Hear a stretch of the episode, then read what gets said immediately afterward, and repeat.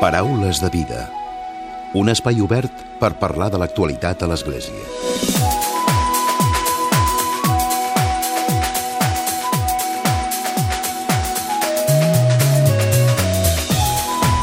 Què tal? Salutacions i molt bon dia, molt bon diumenge. Barcelona ha acollit recentment el primer Congrés de Solidaritat de Sant Joan de Déu en què s'ha posat sobre la taula la necessitat d'impulsar un nou model de solidaritat per afrontar les noves realitats de vulnerabilitat i per facilitar que les persones ateses s'empoderin. Durant tres dies aquest congrés, que s'ha fet amb el lema Construint Solidaritat, S'ha debatut diferents aspectes com ara el de l'habitatge digne o la salut o també els efectes negatius que generen les desigualtats socials. De seguida en parlem, ho fem en conversa amb l'Oriol Bota, que és el director de l'obra social de Sant Joan de Déu.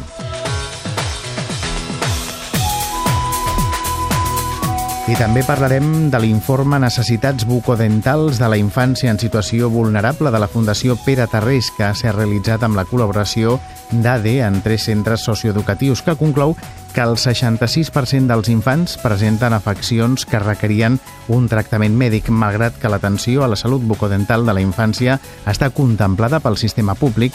Aquest esdevé insuficient per la població amb necessitats de polítiques d'inclusió i per l'atenció en edats primerenques. Les famílies que tenen dificultats socioeconòmiques no poden assumir els costos dels tractaments que repercuteix, per tant, en la salut i en el benestar social i emocional dels més petits. En parlarem també avui al Paraules i ho farem amb en Fernando Fernando Prat, que és el coordinador d'aquest informe.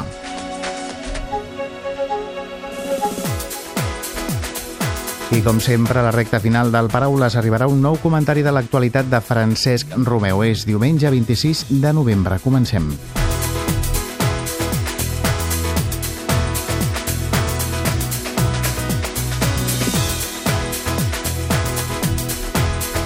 I saludem, donem la benvinguda a l'Oriol Bota. Molt bon dia. Molt bon dia. Un congrés que s'ha fet mm, fa molt pocs dies i en què una de les conclusions principals ha estat que es necessita solidaritat i hospitalitat per tal d'aconseguir una, dieu, societat més madura i més justa. Efectivament, sí. Aquest cap de setmana passat hem realitzat el nostre primer congrés, que ha estat una gran oportunitat de trobada, ha estat una trobada interna amb una clara vocació de traspolar fora de la institució, i justament el que deies, nosaltres que som una institució on el valor de l'hospitalitat, d'aquest cuidar la gent vulnerable amb risc de vulnerabilitat, el tenim en l'ADN, diem que combina, que hi ha un molt bon maridatge amb el tema de solidaritat. I sí, sí, hem de ser capaços, gràcies a la solidaritat, a donar resposta a les noves necessitats. Tot i que ara, ara que dius noves necessitats i, per tant, també aposteu per buscar un nou model de solidaritat, oi? Com ha de ser?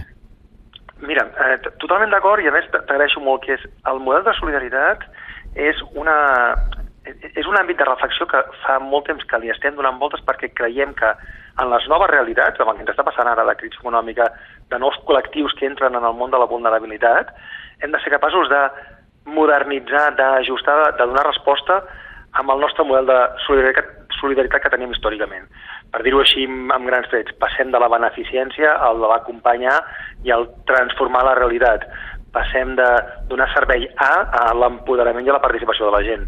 I creiem que la solidaritat és un, un marc ideal per acompanyar en aquest nou plantejament, perquè parlem de voluntaris, parlem de socis, parlem d'empreses, parlem de mobilitzacions, de sensibilització. És a dir, com una institució com Sant Joan de Déu enfoca, encardina l'àmbit de la solidaritat en la seva activitat habitual més concertada, més de prestadora de serveis, amb la seva voluntat d'ajudar a cuidar els vulnerables. Uh -huh. Sant Joan de Déu, que és tota una referència en aquest món. Sant Joan de Déu és una institució referència històrica, 500 anys, més de 500 anys, i referència també per atendre els col·lectius vulnerables, des de la infància, la gent gran, la gent que està, la gent pobra, la, la pobresa, els discapacitats, la gent amb problemes de salut mental, aquests són els nostres col·lectius on ens dediquem i estem molt contents d'atendre aquest col·lectiu de gent dependent vulnerable. Eh, aquest és el nostre ADN, des d'aquest concepte, d'aquest valor central de la hospitalitat. I aquí hi hem tingut punts de trobada amb els nostres representants i amb gent de fora, el que tothom ens ha fet veure, i, i coincideix una mica amb la nostra intuïció, és que la solidaritat ha de ser cada vegada més ADN de la institució, que ja ho era, però havia de ser una part palpable del nostre dia a dia. dels nostres centres. Uh -huh. Abans ho dèiem, heu tractat, heu abordat aquesta qüestió des de diferents perspectives, tu ara ho deies, amb diferents col·lectius, i parleu d'àmbits tan amplis com és la salut, com és el dret a una vivenda, a un habitatge digne, és a dir, són perspectives molt àmplies. Sí, mira, això creiem que la solidaritat, que és molt transversal, ens permet donar un enfoc que no és l'assistencial. Podríem haver-nos agrupat per la gent que tracta el sensellarisme, per la gent que tracta la salut mental, per la gent que tracta eh, la infància, però em sembla que des de la solidaritat tenim aquesta capacitat de transversalitat. És a dir, al final, quan una família té el seu nen a l'hospital materno-infantil uns quants dies, no, una ambulatòria, allò és casa seva. Quan tenim una persona gran que està passant en una de les nostres residències o en un centre sociosanitari, aquella és la seva casa. Per tant, la llar és la llar quan no tinc llar, quan estic al carrer, però també és la voluntat de transformar el lloc d'assistència en una llar. I això ens implica a tots, ens implica des de les direccions, a les enfermeres, als metges, als treballadors socials. Però això també ens passa en l'àmbit de l'ocupació. Podríem parlar de la gent que no té feina, però també hem de parlar d'aquella gent que té dificultats per accedir a la feina per unes situacions molt concretes, per uns temes de salut mental, per unes discapacitats. També hem de veure com donem resposta a això. I així agrupem i ens permet a nosaltres trobar punts, sinergies entre els que treballen en un àmbit i en l'altre per abordar això.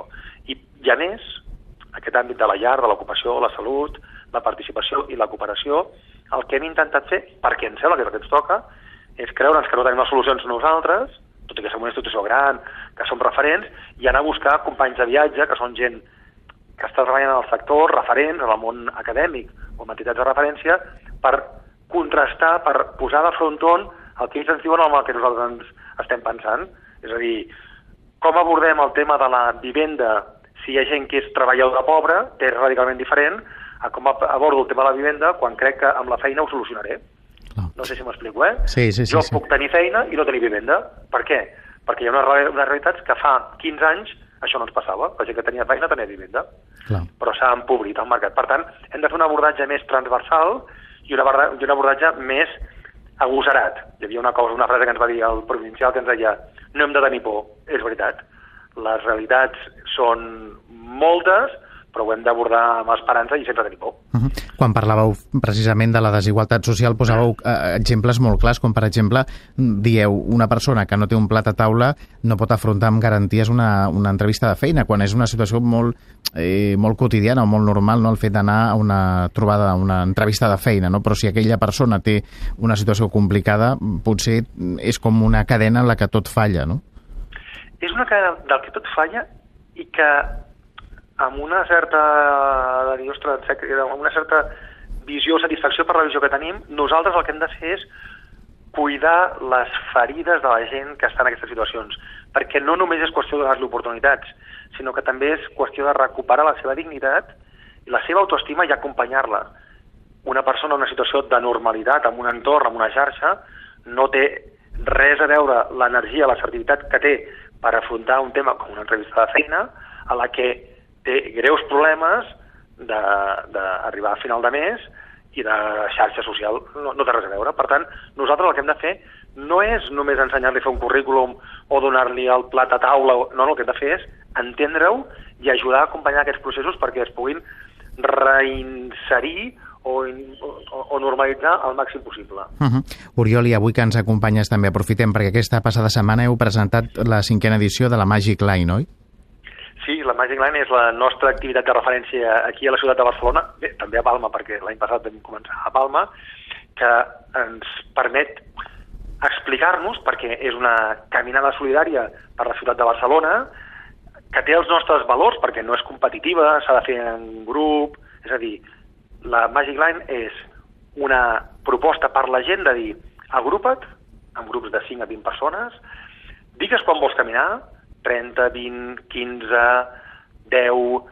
Ara aquest enguany hem fet un, també hem obert un recorregut des de Sant Boi, que tenim un centre de salut mental, és a dir, digues quan vols caminar, caminar, no córrer, eh, amb el teu grup, uh -huh. digues quin és el teu repte solidari, per tant, hi ha escoles de barris molt, molt, molt, en situacions molt dures, que diuen el meu repte serà que sigui una classe de, 105, de, de 25 persones seran 150 euros, i hi ha gent que diu, no, no, no, es podem fer 700 euros. El teu repte solidari, amb el teu repte de caminar, mobilitza't des de que t'apuntes fins al dia de la caminada i el dia de la caminada gaudeix d'aquesta descoberta de la ciutat.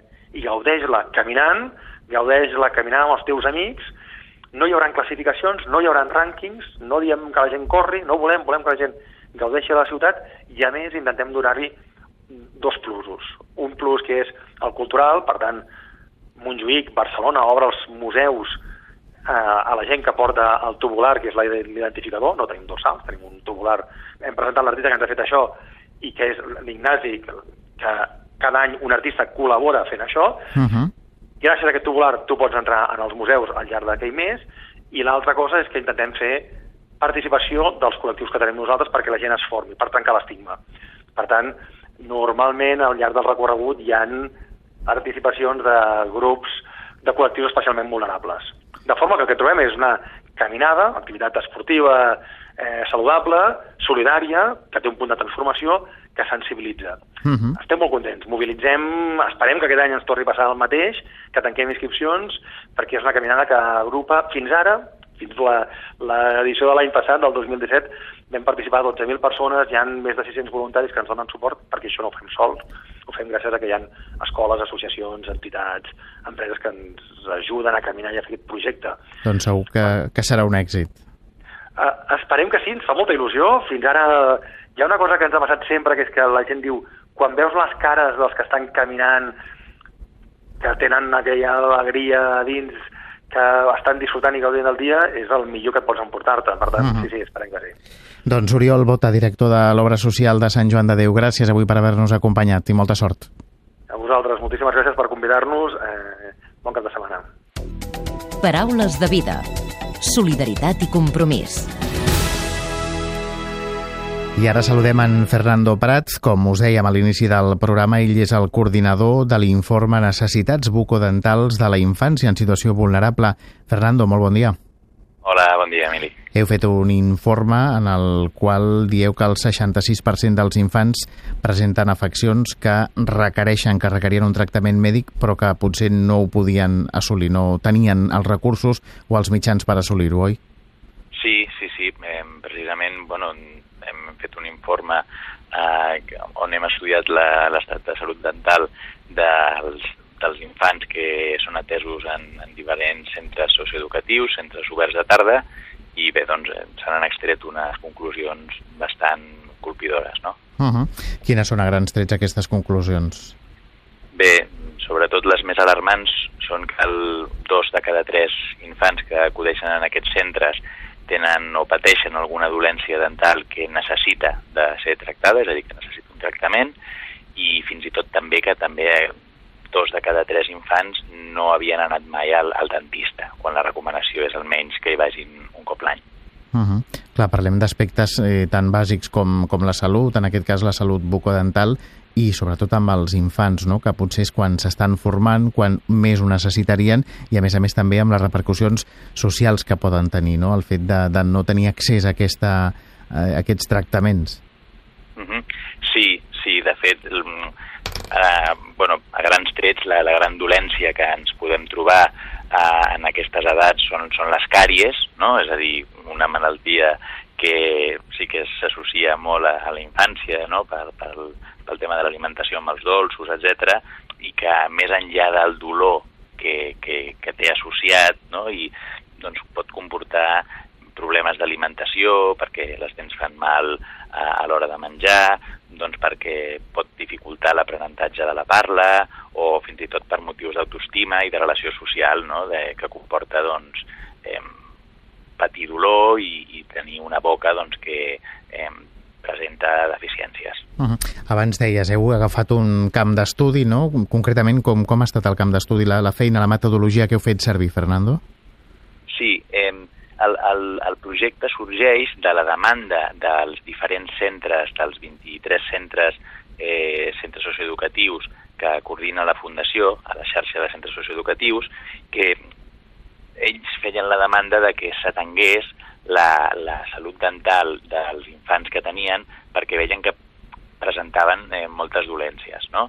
Eh, a partir d'aquí es va voler fer un estudi doncs, per analitzar quina era aquesta situació i amb l'ajuda d'ADE eh, una empresa que ha col·laborat amb nosaltres a, en aquest informe, doncs vam poder estudiar en un pla pilot tres centres i eren doncs, això, uns 150, 140 infants entre, entre 3 i 13 anys.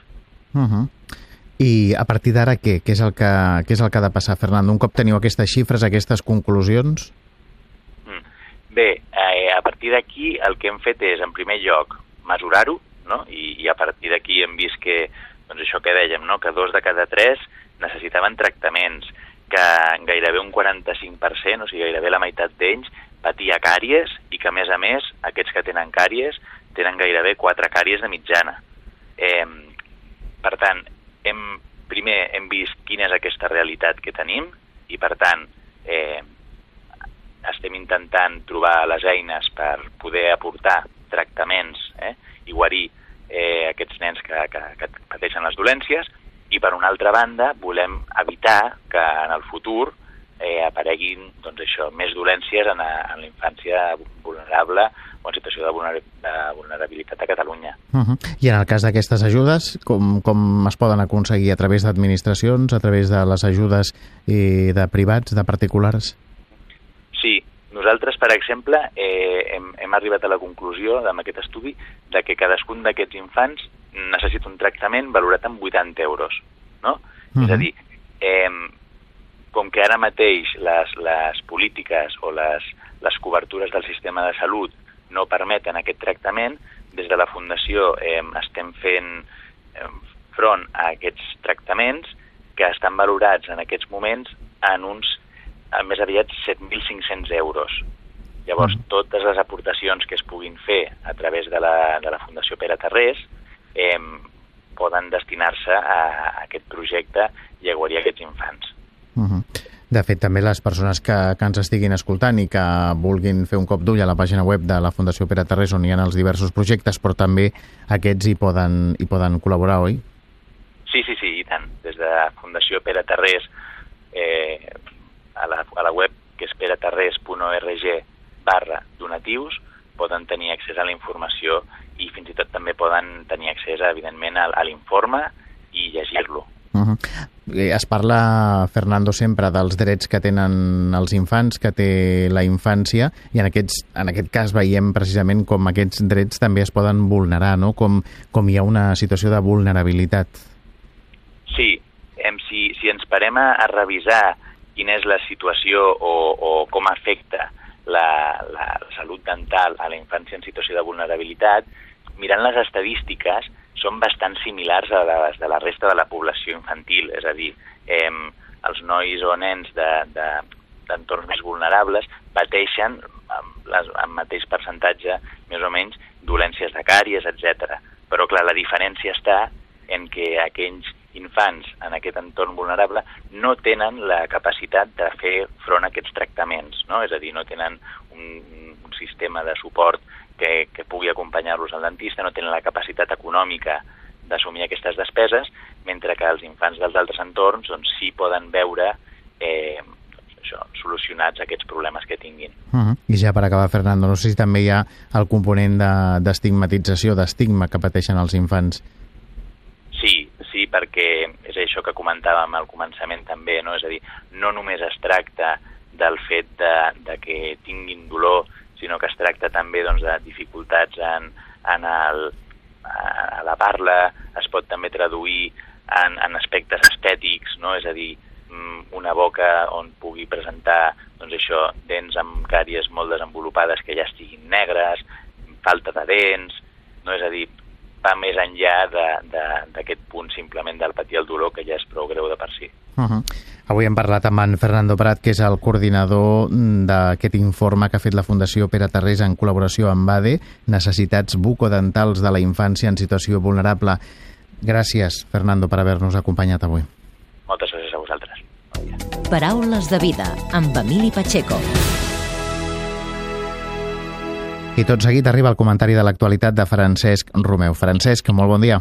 Molt bon dia a tothom. La setmana vinent tindrem el papa francès de viatge i, com sempre, el papa no escull llocs fàcils o de grans concentracions de multituds o de grans reconeixements religiosos, sinó més aviat llocs on ell sap que la seva visita pot ser una ajuda pels cristians que viuen en dificultat o en minoria o bé són perseguits.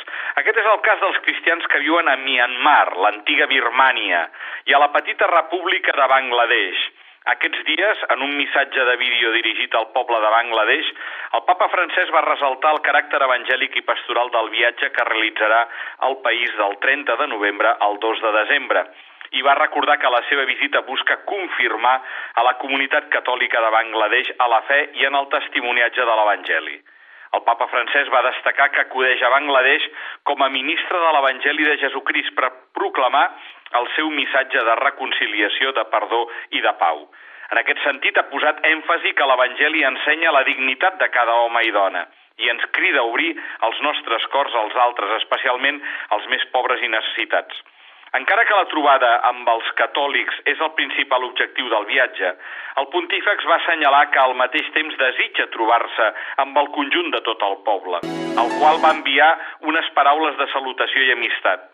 De manera especial, no veig l'hora de reunir-me amb els líders religiosos de Ramna, vivint en un temps en el qual els creients i els homes de bona voluntat en qualsevol lloc són cridats a promoure la comprensió i el respecte recíproc i a recolzar-se els uns als altres com a membres d'una única família humana. Finalment, el papa francès va agrair a tots els que estan treballant en la preparació del viatge. Sé que molta gent a Bangladesh està treballant amb esforç per preparar la meva visita. Els ho agraeixo. Demano a tots que preguin perquè els dies en els quals estaré amb vosaltres puguin ser font d'esperança i d'enfortiment per tothom. Sobre vosaltres i les vostres famílies invoco la benedicció divina amb l'alegria i la pau. Fins aviat. Segons informa l'agència de notícies ASI Premsa, el papa Francesc arribarà a Bangladesh després de la seva visita apostòlica a Myanmar, el dilluns 27, del dilluns 27 al dijous 30 de novembre. Aquest viatge a tots dos països asiàtics, tot i que tindrà un marcat caràcter apostòlic, estarà marcat per la crisi humanitària que afecta els dos països, com a conseqüència de l'arribada de milions de refugiats musulmans a Bangladesh, pertanyents als pobles denominats rohingyes, que fugen de la violència i la persecució que pateixen justament a Myanmar. La persecució als roïnyes de, de Birmània, del 2016 al 2017, es refereix a la repressió militar per part de l'exèrcit i la policia de l'antiga Birmània, país de majoria budista, sobre els musulmans roïnyes a l'estat d'Arakan, al nord-est del país. La repressió va començar després dels atacs als llocs fronterers birmans, realitzats pels insurgents Rohingya, l'octubre del 2016. L'exèrcit birmà ha estat acusat de violacions dels drets humans a gran escala, excloent-hi ex, incloent-hi execucions extrajudicials, violacions en grup, incendis premeditats i infanticidis. Reclamacions que el govern birmà rebutja tot dient que són exageracions. La repressió militar contra el poble roïnya ha provocat les crítiques de les Nacions Unides, del grup de drets humans d'Amnistia Internacional, del Departament d'Estat dels Estats Units, del govern del país veí de Bangladesh i del govern de Malàisia, on molts refugiats roïnyes han fugit. La cap de govern de facto de Myanmar és Aung San Suu Kyi, però ha estat particularment criticada per la seva inacció i silenci sobre el tema i per fer poc per prevenir els abusos militars. El govern de Myanmar ignora completament els reclams dels països veïns que demanen obrir un procés de democratització. Aquest procés també és reclamat pels Estats Units davant del Consell de Seguretat de les Nacions Unides. Recordem que l'actual cap de govern va ser la líder opositora i Premi Nobel de la Pau Aung San Suu Kyi, que va estar detinguda en arrest domiciliari amb una estricta custòdia des del 1996 i que finalment va ser alliberada el 13 de novembre del 2010, després de finalitzar la condemna. El dia del seu alliberament fou rebuda a la porta del seu domicili per unes 3.000 persones. Després, l'any 2010, la Junta Militar va iniciar una transició cap a una democràcia, segurament disciplinada, i una abertura al món occidental que no arriba mai. Molt bon diumenge a tothom.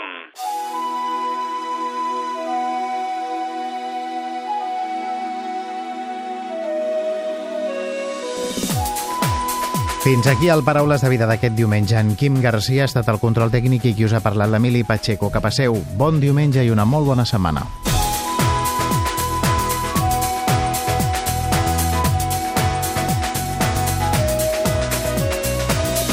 Paraules de vida. Us oferim la carta dominical de l'arcabisbe de Barcelona, Joan Josep Omella.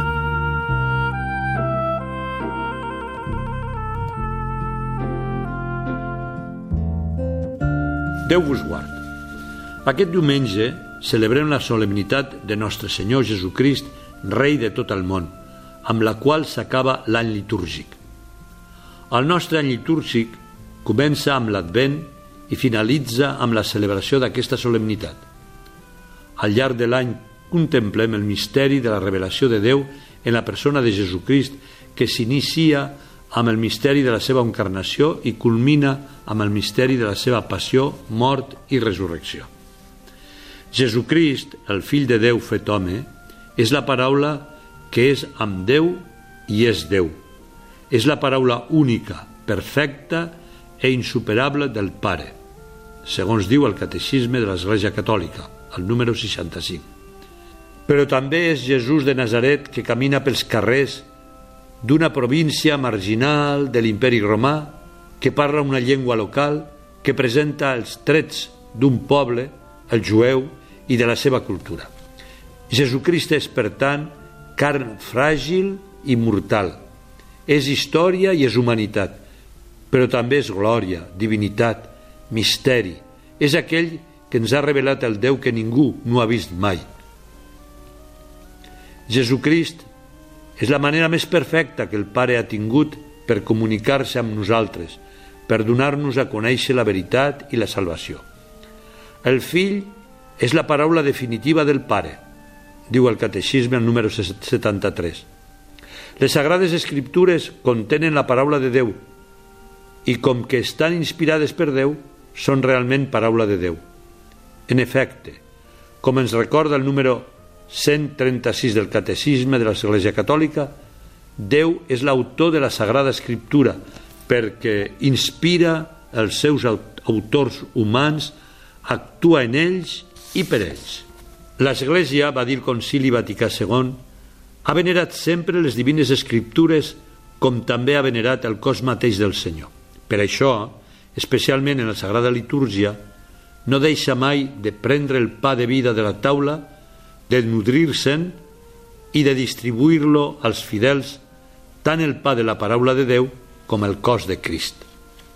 Cal que ens acostem al text sagrat, sigui en la litúrgia, sigui en la lectura espiritual, tant personal com comunitària. Us convido a acompanyar aquesta lectura de la Sagrada Escriptura amb la pregària a fi que hi hagi diàleg entre Déu i l'home, ja que, com va escriure Sant Ambròs, parlem amb ell quan preguem i l'escoltem quan llegim les paraules divines.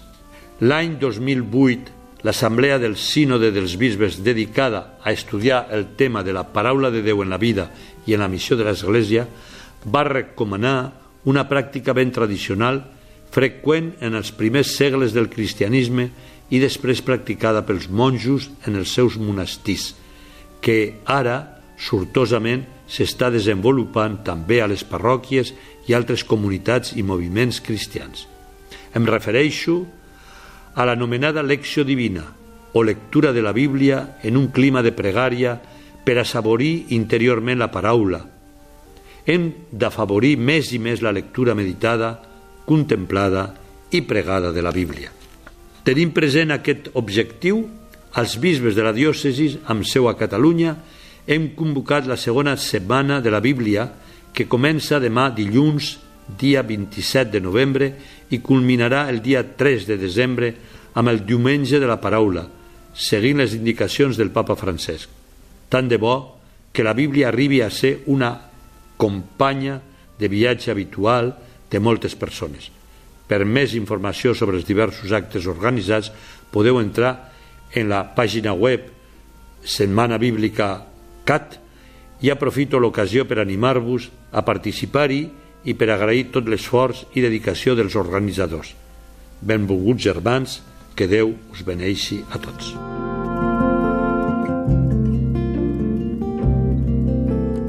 Us hem ofert la carta dominical de l'arcabisbe de Barcelona, Joan Josep Omella.